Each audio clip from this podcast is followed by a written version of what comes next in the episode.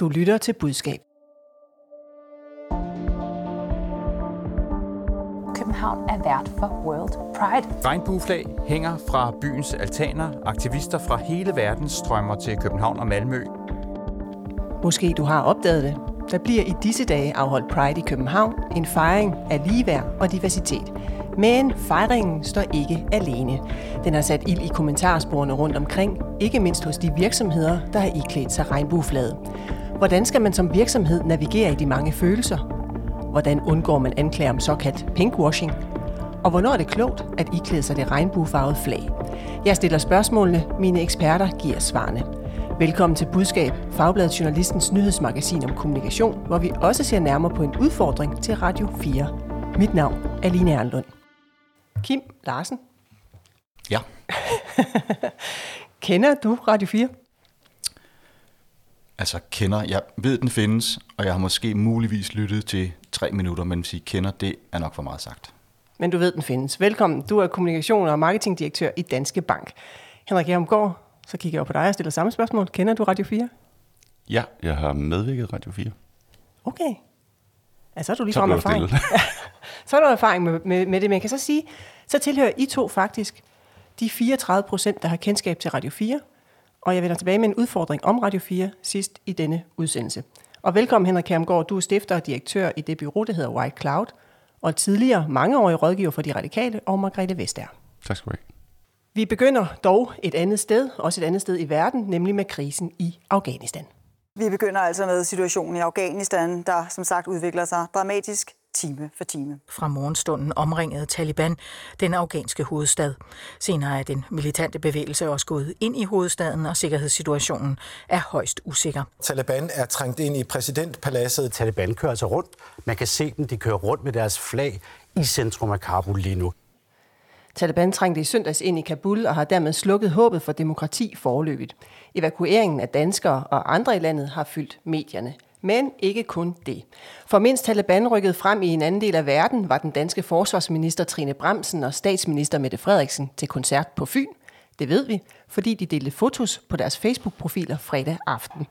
Den danske forsvarsminister skrev, Folkeklubben og patina i den fynske landsby, endelig kan vi gå til koncert igen. Det gav likes, men også sure smileys og kommentarer som, godt I har tid til koncert, simpelthen en skændsel, som en bruger skrev samme aften.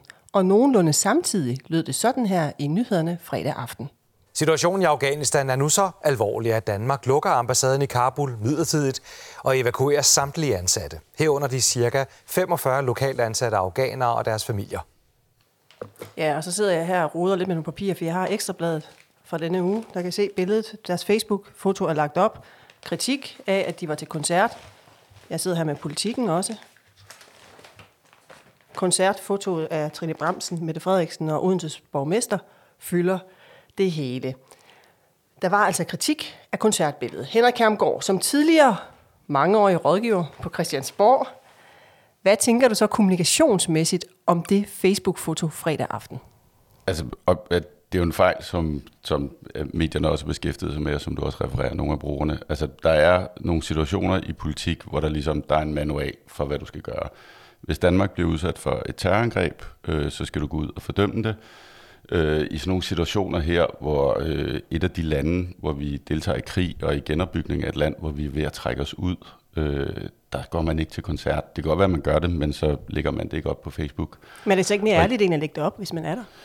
Jo, men du kan også sige, altså, altså den her kommentar med, nu er vi endelig til koncert med Folkeklubben, og det er dejligt, at vi kan gå til koncert igen, at det jo, altså, står jo i skærende kontrast til det, der sker i, i Kabul og Afghanistan, og du kan sige, selvfølgelig øh, er der nogle minister, der godt kan gøre det med her, vi lige at gøre med specifikt forsvarsministeren, som jo har en opgave i de dage. Og selvfølgelig er der ikke nogen minister, der sidder 24 timer i døgnet på deres kontor og laver et eller andet.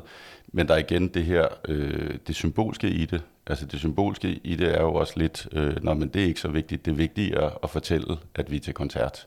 Og det er jo det der med, at du kan sige, når du er politiker, så det du gør, og du beskæftiger dig jo ikke med én sag hele tiden, men det er jo også, især når vi har en regering øh, som den her, som er utrolig god til at bruge sociale medier og, og, og visuel kommunikation, at sige, altså de har jo valgt at lægge det der op. Det er en meget bevidst handling. Vi kan også sige, at der er jo ikke lagt noget op om Afghanistan før mandag tirsdag. Og det vil sige, at det er, man kan sige, det er, sådan, det, det, det er upassende, det er skævt, øh, og det er også derfor, at øh, Trine Bramsen og til del også Mette Frederiksen øh, får voldsom kritik for det. Ja, fordi de har fået voldsom kritik. Og så tænker jeg, Kim Larsen, var det gået galt, hvis de ikke havde lagt det billede op? Altså, bare lige, jeg er helt enig, det var en fejl. Og det skulle man ikke have gjort. Og jeg synes særligt det billede, som så blev lagt op søndag fra, øh, hvor var det, en eller anden Ærø. med, no, Ærø med nogle sæler, der synes jeg, der stod det klart for Altså Trine alle. Bramsen lagde billedet Ja, op søndag. altså fredag, det kan man diskutere, søndag synes jeg, det er helt åbenlyst. Men jeg synes også, der er en masse hyggeleri forbundet med det her. Fordi, hvor var alle, altså de mennesker, som nu synes, det er meget, meget frygteligt, at de ikke brugte al deres tid og alle deres sociale medier på Afghanistan, hvor var de henne ugen før? Altså det er jo ikke fordi, de mennesker, som er meget kritiske nu, de sådan har været meget bekymrede eller øh, optaget af situationen i Afghanistan, for eksempel i diskussionen omkring tilbagevending af asylsøgere til Afghanistan osv. osv., osv. Så ja, det er en fejl, og der er noget symbolik. Men jeg synes, der er to spørgsmål, man skal stille sig selv. Det ene er, altså, bruger vi nu tiden på at diskutere noget andet, end det vi i virkeligheden bruger, bruger vores tid på at diskutere, nemlig situationen i Afghanistan. Altså nu diskuterer vi symbolet og de signaler, der bliver sendt politisk. Det er den ene. Men hvad mener du, nu siger vi? Jamen altså, verden bruger jo rigtig meget tid, i Danmark, ikke verden, håber jeg, øh, men i Danmark bliver der brugt rigtig meget på, tid på at diskutere, var det nu rigtigt at lægge det op på Instagram-billeder, og brugt de deres tid rigtigt og sådan noget.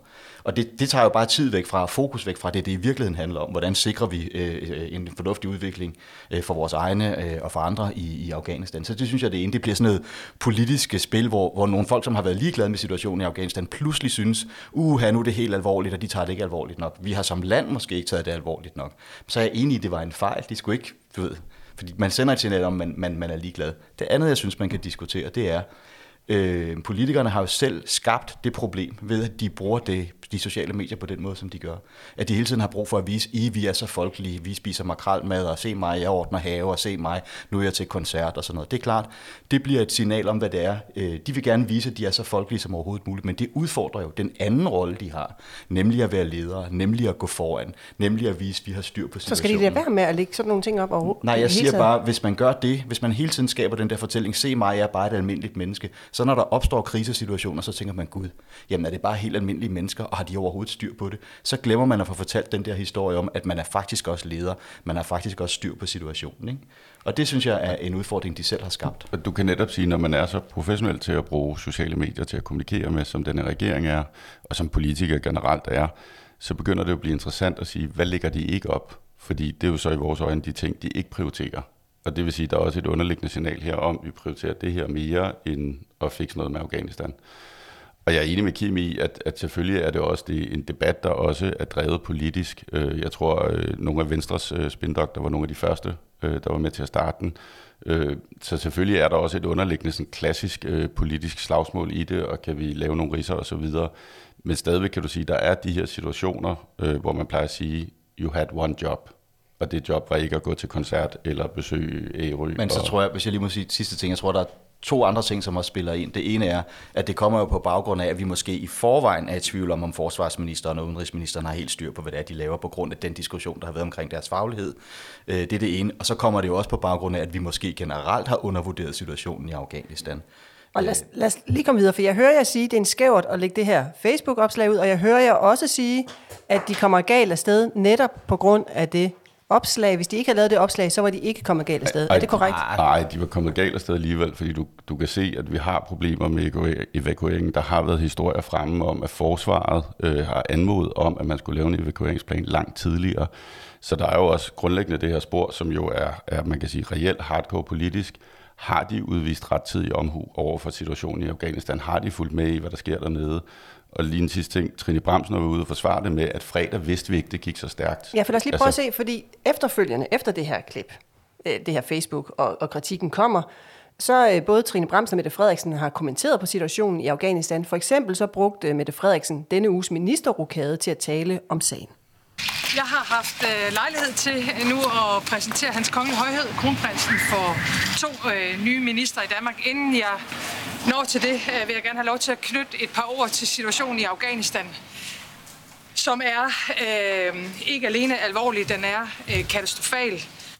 Ja, og Trine Bramsen øh, delte et foto, hvor hun var i arbejdstøjet, og hun stillede også op i aftenshowet. Tirsdag holdt hun et pressemøde sammen med udenrigsministeren om evakueringerne i Afghanistan. Og I må ikke være i tvivl om, at vi er på broen. Vi øh, arbejder hårdt for at få alle ender til at mødes og nå sammen. Øh, og det gør vi jo i sådan en grad, så allierede også har bemærket, øh, at vi faktisk har fået etableret nogle, nogle rigtig gode systemer over de seneste dage. Vi har flere fly i området, der kan løfte ud. Ja, og dagen efter, altså i går onsdag, der deltog hun i endnu et pressemøde med Mette Frederiksen og Jeppe Kofod. Og her svarede hun sådan her på Ekstrabladets spørgsmål, om hun skulle have undladt at gå til koncert fredag aften.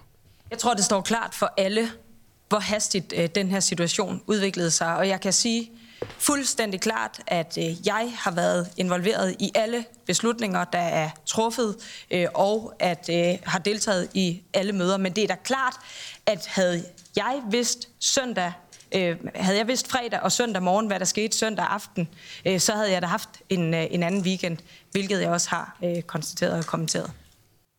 Kim Larsen, du har prøvet at stå i et par kriser. Er det her en god øh, måde at komme videre fra krisen på? Ja. Har lige to ting, jeg gerne vil sige. Ja, jeg synes, regeringen er kommet godt igen. Jeg synes, øh, fordi vi sidder her, og så anlægger vi sådan et spændvinkel, og så siger du, hun bruger... Øh, Nej, jeg, jeg, jeg anlægger kommunikationsvinkel ja, og prøver jo, jo. at finde ud af, om deres kommunikation har været god eller Og så dårlig. siger du, hun bruger, øh, hun bruger øh, øh, regeringsrokaden til og som anledning til også at tale om Afghanistan. Og der ligger i dit spørgsmål, at det var smart, og var det godt, og var det en måde at komme på. Det kunne også godt være, at det simpelthen er sådan, at regeringen synes, at den situation, der er i Afghanistan, den er rigtig alvorlig. Og det kan faktisk godt være, at det ikke er et eller andet smart trick, de har fundet på, men fordi hun faktisk er optaget af det. Så er det klart, så er hun selvfølgelig også pinligt bevidst om, at der er en opfattelse af, at de måske har været lidt bagud, og nu skal de foran. Og det synes jeg, de er kommet. Så kan man diskutere kvaliteten af nogle af deres svar, og i går der ville de ikke forholde sig til, hvad med spørgsmålet om flygtninge, og så siger de, ja, men nu koncentrerer vi os om den operation, vi har gang i, så må det andet vente. Men jeg synes, i forhold til at vise, at de tager situationen alvorligt, og at de handler på den, og der er en kompetent regering, og de har planer osv. nu, der synes jeg, de er kommet godt igen. Det ændrer ikke ved, at der er en masse diskussioner om, om vi er kommet for sent i gang, eller om du ved, det har været håndteret hurtigt nok og kraftfuldt nok. Men jeg synes, de er kommet godt igen. Jeg bliver bare nødt til at sige, alle de der mennesker, som nu er ekstremt bekymret øh, bekymrede over situationen i Afghanistan, altså helt ærligt, det er jo en undskyldning for at gå efter regeringen, fordi det er det, man gør. Men hvor var alle de mennesker henne under diskussionen omkring tilbagesendelse af asylansøgere? Hvor har alle Men, de mennesker været? Så det er, bare, jamen, det er bare for at sige, en hel del af det her forarvelse over, at regeringen ikke tager det alvorligt nok, det er fint nok, og sådan er det politiske spil. Men mange af de mennesker er der, tror jeg, slet ikke så bekymret som for Afghanistan, som de faktisk giver udtryk Men mit spørgsmål er jo, hvordan regeringen skal håndtere det kommunikationsmæssigt. Og det synes jeg, de har gjort godt de seneste par dage. Hvad tænker du, Henrik? Det er jeg ikke helt enig i. Nej, hvorfor altså, ikke? Øh, lige en kommentar til det, Kim sagde. Jeg sige, da Mette Frederiksen præsenterer sin ministerrokade, der er det jo klart, der har jo hun både selv tænkt, og folk omkring hende sagt, du får et spørgsmål om Afghanistan, så have en eller anden meddelelse, du kan sige upfront for at tage brøden af det. Øh, og det kan man sige, det er jo også klart, at man forventer også, at en statsminister mener noget om, om hvad der sker i sådan en situation. Det andet, jeg synes, det der er deres udfordring rent kommunikativt lige nu, det er øh, de, det kunne man også høre i, i de soundbites, du spillede, Trine Bramsen bliver ved med at blive nødt til at bruge tid på det her billede. Også fordi hun insisterer på, at hun ikke har gjort noget forkert. Nu har hun lige pludselig kastet sig ud i en forklaring, hvor hun siger, hvis jeg havde vidst det, jeg vidste søndag aften, og så kan man gå tilbage og sige, jamen hvad skete der egentlig fredag, hvornår kom de første nyheder om formiddagen, og så om at amerikanerne var i gang med at evakuere osv. Så man kan sige, de har øh, en, en, en, en dårlig sag øh, politisk, og den vil blive brugt imod dem, men du kan sige, der er også det underliggende tema, der handler om, havde vi forberedt os ordentligt, og så kan man sige, det, det klassiske at sige, vi havde op til evakueringen, der havde vi en diskussion om, hvad skal vi gøre med de tolker, de mennesker, der har hjulpet os. Man havde nogle politiske forhandlinger, hvor der meget tydeligt gik indrigspolitik i den, øh, nemlig det blev til et udlændingepolitisk spørgsmål. Du... Og også igen det her med, hvorfor svarer man ikke på det med flygtning, fordi så bliver det et indrigspolitisk udlændingsspørgsmål. Og det der rent faktisk øh, point, både plus- og minuspoint i, i forhold til vælgerne, hvor klassisk dansk, øh, hvad hedder det, der det udenrigspolitiske, det flytter ikke vælgere, det er ligegyldigt. Men hvad synes du så, regeringen skulle have gjort i denne uge kommunikativt for at stå bedre, hvis du ikke er enig med Kim? Jamen altså, man kunne også vælge at sige, skal man tage den og sige, øh, nej, jeg, jeg skulle ikke have været taget til den koncert, jeg skulle ikke have set, fordi hun, Trine Bremsen og også Jeppe Kofod vil blive fremadrettet, også når vi er færdige med at evakuere, og man begynder at lave samråd på Christiansborg og stille spørgsmål osv., blive spurgt til, havde I styr på det? Altså udvist i rettet til om, havde en plan, havde en plan B osv., og det er der jo allerede indikationer på, at det havde de så muligvis ikke. Så de så sige tror, undskyld, eller hvad? Jamen jeg vil sige, altså, øh, altså kommunikativt, hvis du står i en krise, så skal du sige, okay, jeg skal stille øh, et forsvarsværk et sted, hvor det ikke flytter sig igen. Fordi det værste i en kommunikativ krise, det er, at du stiller, en, øh, nu snakker vi oven i købet krig, en forsvarslinje op, som du så bliver nødt til at flytte og ændre løbende. Øh, og der kan du sige, der tror jeg ikke, øh, Trine Bremsen har fået stillet sin forsvarslinje korrekt endnu. Men altså, der er også bare noget med substansen. Mm. Okay, hun går til koncert. Hun har sagt så tydeligt, som hun overhovedet kunne, havde jeg vidst, hvad jeg vidste i dag, så ville jeg nok ikke have gjort det. Så er der et eller andet med den der logik, det der Christiansborg-logik, de bliver ved, siger du undskylder, folk begynder at kræve, at hun skal trække sig. Prøv at høre, hvis det er rigtigt, at vi er forarvet over, at hun ikke har brugt sin tid på en krise, som er rigtig alvorlig for verden og for landet, er det så rigtigt, at vi bruger vores tid på at diskutere, om hun skulle have været til en koncert eller have klappet nogle sæler, eller skulle vi eventuelt bruge vores tid på at diskutere substansen? Og det, jeg synes, der gør, at regeringen kommer godt igen, de kan jo ikke gøre noget ved den situation. Det billede er lagt op, de gjorde, som de gjorde. Det, der skal overbevise folk om, at de har styr på situationen, er jo ikke kommunikation, det er jo handling det er jo, at de rent faktisk får evokeret nogle folk, og de rent faktisk har en plan, og vi rent faktisk øh, gør nogle ting. Og det synes jeg, de er kommet godt afsted med at vise, de tager alvorligt. Jeg bliver bare nødt til at gentage, altså lige indtil for nylig, der var vi alle sammen mest optaget af, hvordan fik vi sendt folk tilbage til Afghanistan, hvordan fik vi forhindret folk fra Afghanistan i at komme hertil. Så vender folkestemningen pludselig, og så er det pludselig et stort problem, at regeringen ikke har været bedre til. Altså, jeg ved ikke, hvor mange men Kim, uger vi var om at få en aftale det. Det der, det kan Trine Bremsen og Mette Frederiksen vil ikke stille sig op og sige, så hvad er det Nej, så, de siger men det, de stiller sig op og siger, det er, havde jeg vidst, hvad jeg vidste i dag, og så kan man diskutere, om hun skulle have vidst noget anderledes. Fine så ville jeg nok have gjort det anderledes. Nu har vi fuld fokus på den her plan, vi har fuld fokus på den her operation, den er vi i gang med.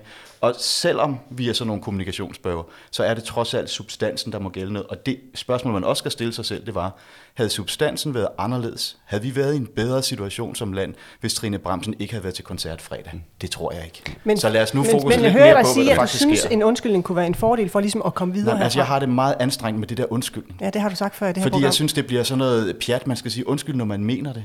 Og hvis man virkelig synes, der er grund til at sige undskyld, man skal ikke sige undskyld, fordi man tror, det er en måde at komme videre på. Og jeg synes, hun er kommet så tæt på, som hun overhovedet kan, ved at sige, øh, ja, hvis jeg havde vidst, øh, hvis jeg havde vidst, hvad jeg havde ved i dag, så havde jeg ikke gået til den koncert. Men nu er der fokus på operationen. Og hvis vi alle sammen ligesom kunne komme lidt ud over det der, fokus på spin og signaler og symboler og koncentrere os om, hvad sker der faktisk, så synes jeg, at regeringen ser ud som om, at de har været rigtig meget på bolden. Og for mig fremstår det overbevisende, at de faktisk er optaget af at få lavet nogle operationer, der heller. Og det giver grund, eller gælder, og det giver godt grundlag for god kommunikation. Henrik, afrunden om dette emne. Jeg, jeg synes, to ting. Altså, øh, jeg synes også, det er interessant at dvæle med Mette Frederiksen, fordi du kan sige, at Mette Frederiksen går netop ind i Afghanistan-debatten. Hun har den soundbite, der hun præsenterer sin minister, og så går hun ind nu her, hvor hun kan sige, at der er 84 mennesker, der, altså hvor hun netop kan gå ud og sige noget konkret. Og noget Men hun har ikke lagt noget op på Facebook, så jeg så sent som i går. Der var øh, en... Jo, hun lagde noget op i går. Øh, okay, så, jeg så, så, så går det så nogle dage ja, inden. men du kan sige, hun afventer jo så at sige, når der er noget, man kan sige, når det ikke bliver sådan nogle mellemregningskommunikation, det er der, hvor Mette Frederiksen går ind, og det kan du sige, det er jo sådan set det rigtige snit at ligge. Og så kan man sige, til det her med substans og Christiansborg, altså vi kan, jeg tror alle sammen, jeg tror sådan set også næsten samtlige medarbejdere på Christiansborg kan blive enige om, at vi vil hellere snakke substans, men det, der er på Christiansborg, det er også bare, at der er en virkelighed, som handler om politik og handler om magt, og derfor hver eneste fli, du kan finde, den slår man hinanden i hovedet med. Der er et pressekorps derinde, øh, som også, altså du kan også sige det andet, er det mest interessant at høre om Sofie Carsten Nielsen, hvad hun synes om Christian Hegård, eller er det mere interessant at høre om... Men det forstår jeg godt. Min pro- problem er, at så folk, der det jo, gør det men, der, de siger, at de er så bekymrede over situationen i Afghanistan.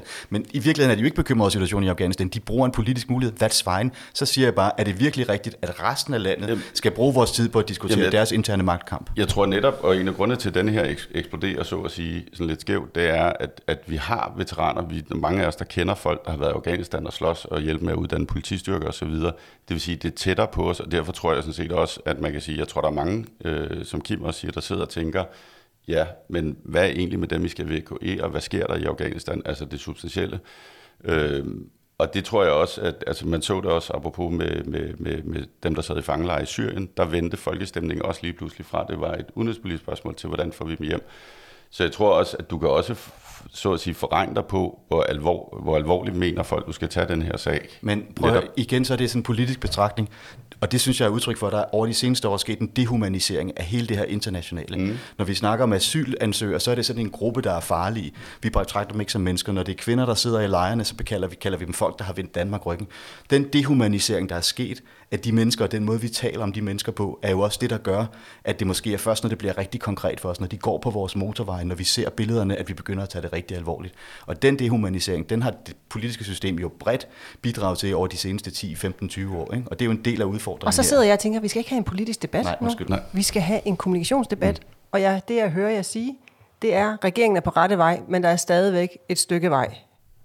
Ja, altså pointen er, at altså det, men det, øh, jeg er sådan set ikke uenig med Kim, men pointen er, at når du er på Christiansborg, bliver du også nødt til at forholde dig til, man kan sige, det teaterstykke, der dagligt bliver opført på Christiansborg og navigere i det. Det forstår jeg godt. Jeg behøver bare ikke som publikum at synes, det er imponerende. Nu skal vi tale om Pride og pinkwashing. Jeg har et uh, ja-nej-spørgsmål til jer. Er det svært at kommunikere om Pride som virksomhed, Kim Larsen? Nej. Henrik Jamgaard? Kim Larsen, din virksomhed, Danske Bank, er hovedsponsor på Brighton i København. Og inden vi runder det, så skal vi lige møde en medarbejder hos DSB, der i weekenden blev helt på de sociale medier. DSB skiftede nemlig sit logo ud med regnbueflaget, og det gav på Facebook anledning til kritik fra flere brugere. Der var blandt andet Mahmoud, der skrev, kommer ikke til at tage DSB igen. Og Christian skrev, igen troede AIDS måned var forbi. Men det, der hurtigt tog fokus, var svarene fra DSB's somi manager der modererede indlæggene samme aften. Mads Havgård hedder han, og han høstede masser af likes og rosende kommentarer fra sine svar. Til brugeren bag indlægget om, at Pride er lige, at Pride er lige med AIDS, skrev han, det er lige præcis på grund af kommentarer som din, at det er vigtigt at støtte op om Pride, så på en eller anden mærkelig måde skal du have tak for at minde alle om, hvorfor vi gør det.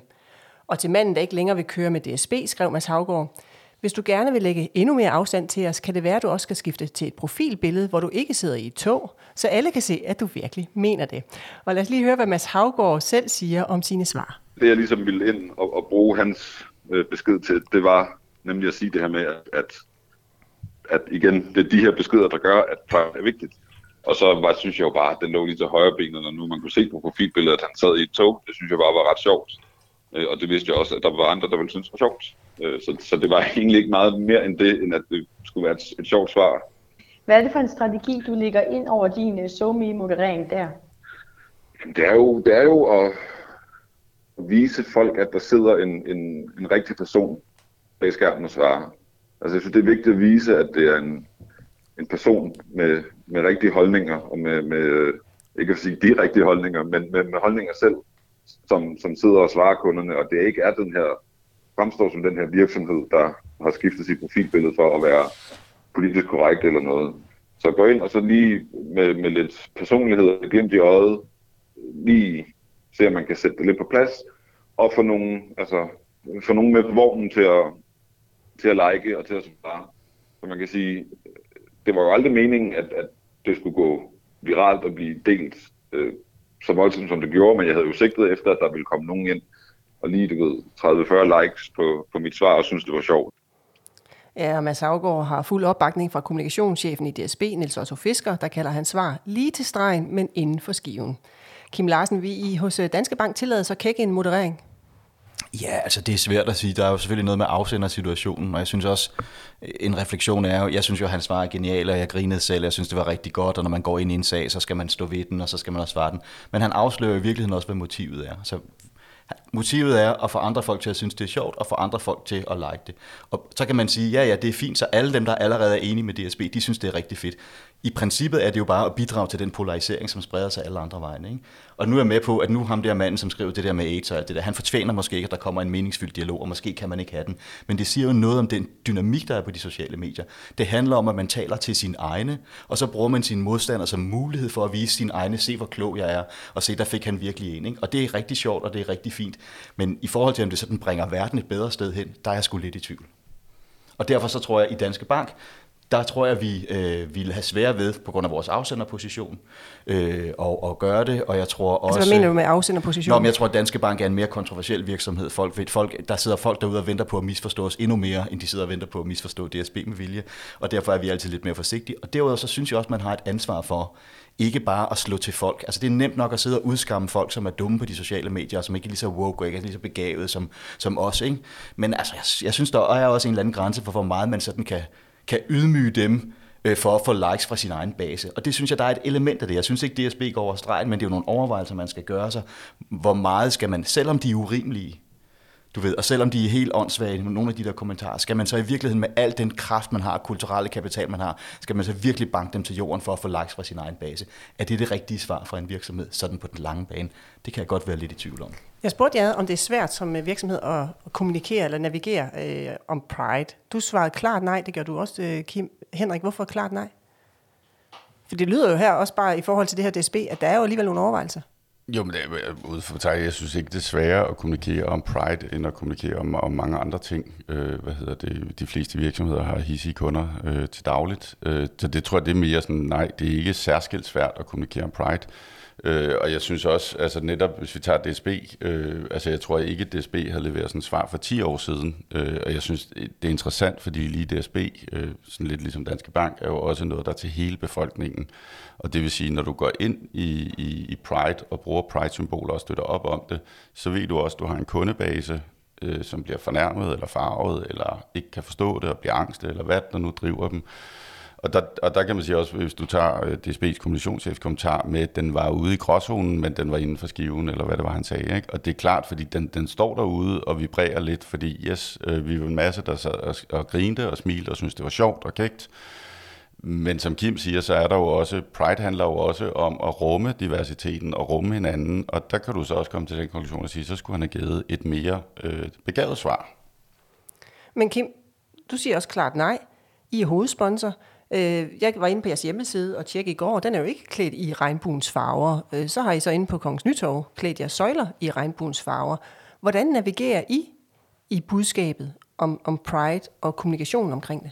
Nå, men igen, så for mig så starter det jo med substansen. Og når Danske Bank engagerer sig i det her spørgsmål, så er det fordi, det at blive en mere inkluderende mangfoldig arbejdsplads, det er vigtigt for vores forretning. Øh, vi har brug for at kunne tiltrække flere og fastholde flere øh, forskellige typer medarbejdere. Det gælder både på tværs af køn og alle mulige andre baggrunde, øh, fordi så bliver man en, bedre medarbejder, men det, vi bliver også bedre i stand til at afspejle vores kundebase. Det arbejde det er et strategisk arbejde, som består af en hel masse ting. Øh, vi arbejder med at scanne vores jobannoncer, så de bliver mere kønsneutrale og ikke for, for nogle folk til at hoppe fra på grund af det sprog, vi bruger. Vi har mål for, hvor mange ledere der skal være. Vi laver øh, mangfoldighed og inklusionstræning på tværs af hele banken. Så vi har en hel masse rigtige strategiske indsatser i gang for faktisk at blive en mangfoldig og inkluderende arbejdsplads i højere grad, end vi er nu. På toppen af det, så øh, har vi også brug for at bakke op om, eller har vi, vil vi gerne bakke op om det budskab, som Pride handler om. Og det handler om respekt for forskellighed, tolerance, og at alle folk skal have lige muligheder, uanset øh, hvem de er. Det vil vi gerne vise. Selvfølgelig også, fordi det bidrager til, at folk måske, folk der måske kunne have en opfattelse af, at Danske Bank var en mere konservativ virksomhed, tænker nok, så kunne det godt være, at Danske Bank var noget for mig øh, alligevel. Men det skal jo hvile på øh, en, en, en masse substans. Og grunden til, at jeg ikke synes, det er svært for os at kommunikere Pride, det er, fordi det her det er et synspunkt og en, en sag, vi er engageret i og har været det gennem lang tid, og driver øh, substansmæssigt også. Og så på toppen af det laver vi noget kommunikation.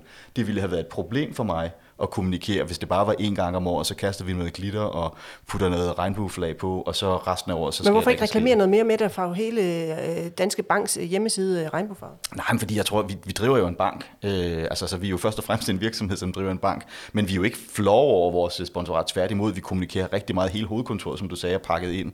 Øh, rundt omkring i vores filialer er der ting og sager, vi på, du ved, vi kommunikerer øh, vidt og bredt om, hvad vi laver. Vi har mere end 1500 medarbejdere engageret i alle mulige øh, initiativer. I går hvor vores CEO øh, ude at løbe en øh, Pride Run her i København sammen med 100 kolleger i Danske Bank t-shirt. Så vi kommunikerer rigtig meget, men vi er jo også en virksomhed, der har meget andet end lige det. Så det er jo det der med at finde balance. Men, men spørgsmålet er jo pinkwashing, fordi det har I sikkert også noteret, at, at øh, nu hvor alle, bare på, da jeg cyklede her ind til studiet i morges, så er der en bæreforretning, der lige sælger nogle øh, kager med et regnbueflag i. Der er en tandlæge, øh, ikke en tandlægebutik, men altså en tandlæge, der har øh, et regnbueflag ude, ude foran. Og der har været kritik, øh, har vi set den forgangne uge, Henrik Kjermgaard, på at nogen mener, at virksomheden ligesom pynter sig med et flag, uden at der er handling bag, altså såkaldt pinkwashing. Hvordan undgår man som virksomhed at havne i den situation, rent kommunikationsmæssigt? Jamen det gør du netop, og det kan du sige, det er jo en parallel til alle andre former for kommunikation. Hvis kommunikation bare er kommunikation, altså hvis der ikke ligger nogen beslutninger bag, eller som Kim siger, noget substans eller nogle handlinger, så bliver det jo bare stafage, og det er sådan set ligegyldigt, om det er klima, eller om det er pride, eller om det er et slagtilbud. Ikke? Det, Men det ved det jeg jo ikke som forbruger. Jeg vidste jo heller ikke alt det, som Kim sidder og siger her. Du vil jo heller aldrig sætte et skilt op og sige, mælk 2 kroner literen, og så går du ind i butikken, og så koster det en 10, ikke? Og det er, den, det er jo den situation, du gerne vil undgå. Ikke? Altså, det nytter jo heller ikke noget at sige, at du sætter et, et regnbue eller pride-flag op øh, på din facade, og så når du kommer ind, øh, så står der en eller anden og siger bøssesvin. Ikke? Altså, det, det duer heller ikke. Så derfor kan du sige, alt god kommunikation, og derfor synes jeg heller ikke, Pride er sværere at kommunikere, skal jo bero på nogle handlinger, på noget indhold, på noget substans, på noget, du gerne vil. Og så kan du altid diskutere, hvor meget skal en virksomhed, om det så er Danske Bank, eller om det er Salling Group, eller hvem det er, hvor meget skal de gøre, før at de gør nok? Og der kan man sige, jeg tror, i, i tidligere, der var det måske, altså man kan sige, det er jo også, det kan Kim bidrage med mere om, men sige, altså virksomheder for 10-15 år siden var mere tilbageholdende med politiske statements. Pride er et politisk statement, og det skræmmer øh, nogle mennesker, øh, som vi også hører her i, i, i DSB's bord. Og der kan du sige, der bliver du også nødt til som virksomhed, fordi at altså, en virksomhed, det er en forretning, og the business of business is business. At sige, hvor går vores grænser, hvor er der nogle fællesmængder, hvor det her også gør noget godt for virksomheden, men hvor er vores bagkant? Jeg tror ikke, at Danske Bank vil sige, nu går vi ind i Polen og Ungarn og fortæller dem, at nu skal de opføre sig anderledes over for homoseksuelle. Gør det, det tror jeg vil være et skridt øh, for langt for dem, og det vil jeg nødvendigvis heller ikke forvente som forbruger af dem. Men, os bare, altså nu men, stiller spørgsmål, Kim, en, en, Ungarn for eksempel, vi der i klæder regnbueflaget. Altså nu driver vi jo forret, eller vi har jo ret mange medarbejdere i Litauen, og Litauen er kendetegnet ved en anden situation omkring LB, Ja, LBGT+. Ja, jeg får det altid sagt forkert.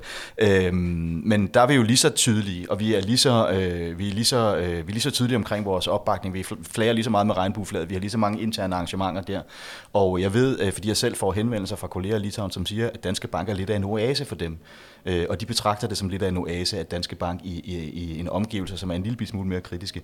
Men derfra så til at gå ind og du ved, lave decideret lobbyvirksomhed, det gør vi ikke, fordi vi er ikke en politisk virksomhed. Præcis. Men vi viser tydeligt, at hos os, der gælder øh, mangfoldighed og inklusion. Det er, det er kvaliteter, vi sætter pris på, og vi gør selv, hvad vi kan for at fremme det, og vi viser også tydeligt, at vi øh, går, op, øh, går ind for det, også selvom der skulle være øh, flere i Litauen for eksempel, som synes, det er en dårlig øh, idé.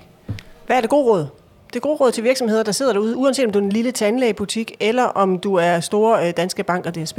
Jamen det gode råd, det er altid, altså ligesom med al anden kommission, tænk dig om, hvad vil du egentlig med det, før du kommunikerer, hvad er det, du gerne vil opnå? Fordi igen, altså kommunikation, at sige noget bare for at sige noget, det er enten at, at spille andre menneskers tid eller stafage. Og du kan sige, hvis vi går tilbage til EM i fodbold, hvor netop prideflaget og regnbuefarverne også fik en stor betydning, fordi den tyske målmand Emanuel Løjer lige pludselig havde et ben på, der var pride, og det synes FIFA så ikke, man kunne der var mange, der lige pludselig begyndte at bruge Pride-flaget meget voldsomt i deres annoncering, men da de ligesom fik at vide, ah, helst ikke på stadionet nede i Ungarn, øh, så trak de sig. Øh, Serie A, den italienske liga, de, i den anledning, der lavede de alle deres logoer i Pride-farver på deres Twitter-konto, undtagen det, der er gældende i Mellemøsten og, og i Afrika. Der holdt de deres normale logo. Og der kan du sige, der skulle Serie A måske have tænkt sig om at sige, hvis vi ikke er villige til at gøre det der, så skal vi måske bare lade være at gøre det. Ikke? Og igen det der med, at du kan sige, hvis du bare bruger, øh, i det her tilfælde, Pride-flaget, men det kunne også være noget klimainitiativ som Stafage, altså så vil du på et tidspunkt, så er der en journalist, der opdager, at du ikke har gjort noget. Eller, så det vil sige, altid handling, altid noget indhold, altid noget tanke bag det. Om det så er målet at sige, at vi vil gerne signalere til vores medarbejdere, at vi er diverse, og der er rum til alle, eller hvad det er, man vil opnå. Og så igen det der med, man kan sige, du kan aldrig forvente mere. Altså virksomheder er ikke politiske partier, så der vil altid være en bagkant for, hvad du kan forvente af dem. Og så vil jeg bare sige det der omkring synlighed. Altså der, der er også mange, der diskuterer, jamen du ved, så putter man de der regnbueflag, du nævnte selv bæren, og sådan Bare sige, øh, som en stolt del af LGBT-kirken, øh, der betyder det faktisk noget, hvis man har vokset op øh, et helt liv og været i tvivl om, folk synes, man er okay, så betyder det faktisk noget, at en gang om året i en uge, der kan man cykle rundt, og folk synes faktisk, det er okay. Jeg tror ikke, man skal undervurdere den betydning, det har for miljøet, at verden på en eller anden måde ligesom har flyttet sig, og at vi viser, hey, vi synes alt er okay, men det bliver selvfølgelig nødt til at øh, basere sig på, at man så faktisk mener det, og at folk føler sig inkluderet, og det er jo der opfordringen eller udfordringen men, opstår. Men du kan netop sige, med, hvis du tager priden, der kan du sige, jeg har også en datter, der er panseksuel, øh, og hun er mega glad for, at der er pride-flag, og der man kan købe alt muligt pride-merchandise, og der er en parade, man kan gå med i her. Ikke? Og det giver jo, som Kim også siger, noget symbolsk til hende, og det giver noget symbolsk til os andre. Jeg tror, at Priden står et eller andet sted nu, hvor at for 10-5 år siden, der kunne du gå med for at støtte det symbolske. I dag der begynder vi også at forvente, at du gør noget mere, end det er bare et flag, du planter en gang om året. Vi skal videre.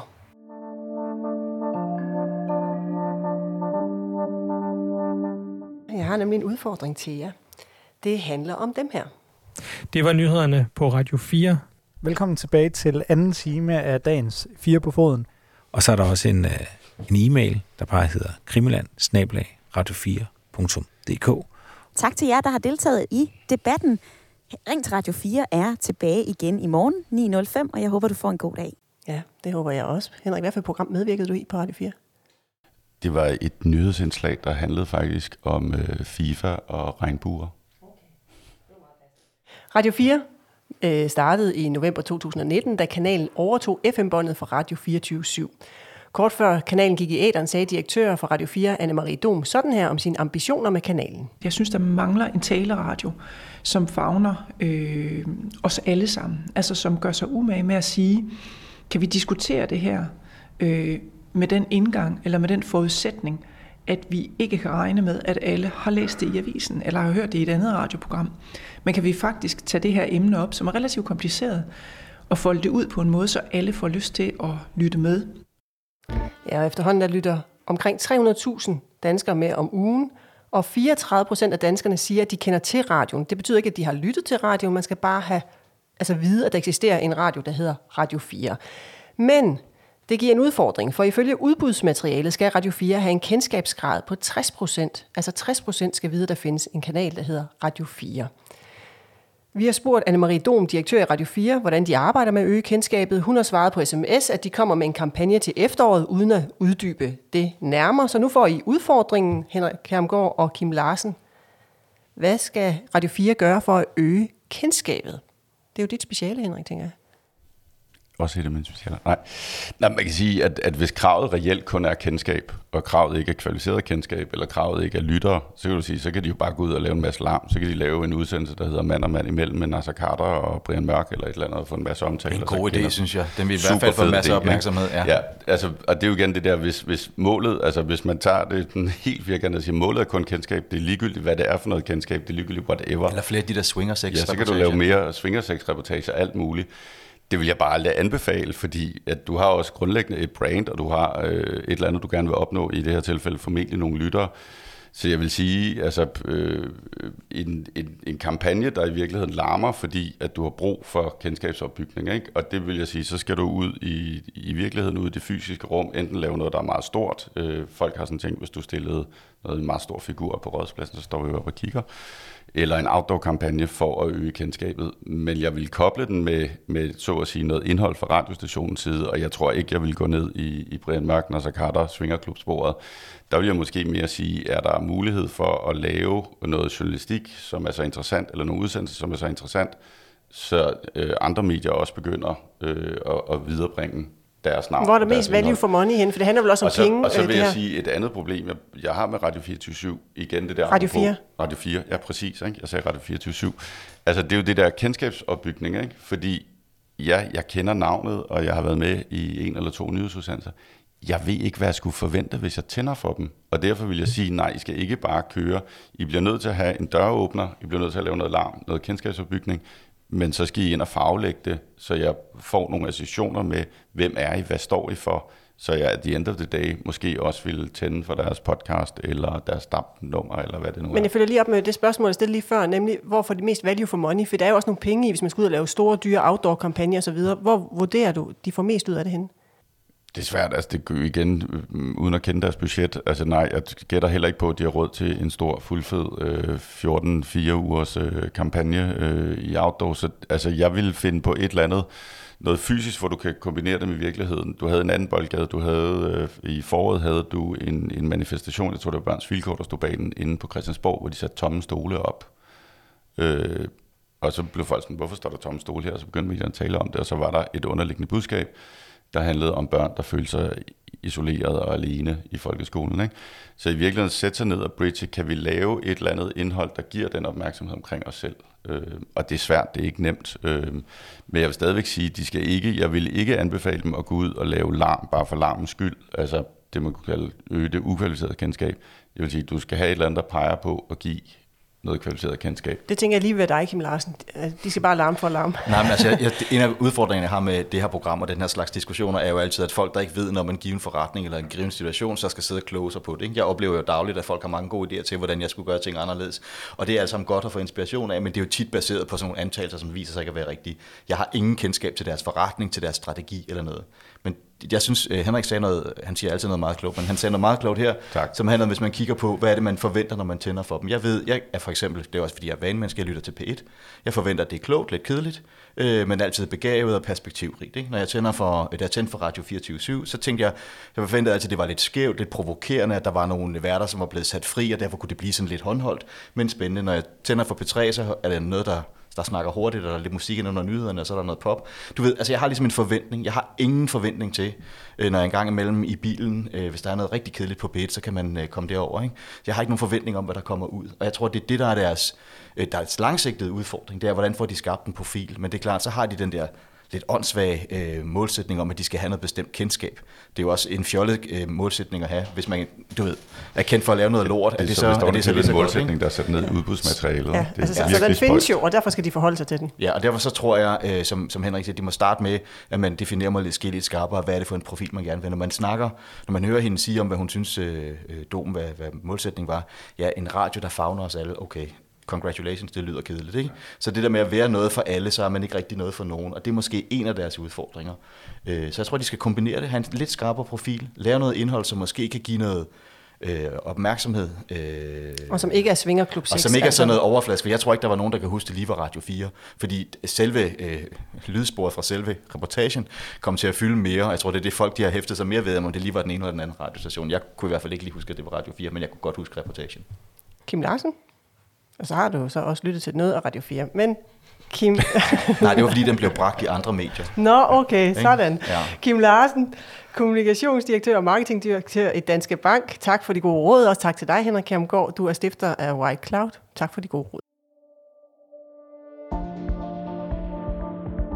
Du lyttede til Budskab, der er skabt af Fagbladet Journalisten. Redaktør er Marie Nyhus. Rakkerpark Production står for lyd og teknik. I dagens afsnit har du hørt klip fra P1, DR, TV2 og Radio 4. Du kan abonnere på vores podcast. Giv den meget gerne en anmeldelse på din vej. Mit navn er Line Erndlund. Og husk, ord er ikke bare ord. Tilsammen udgør de dit budskab.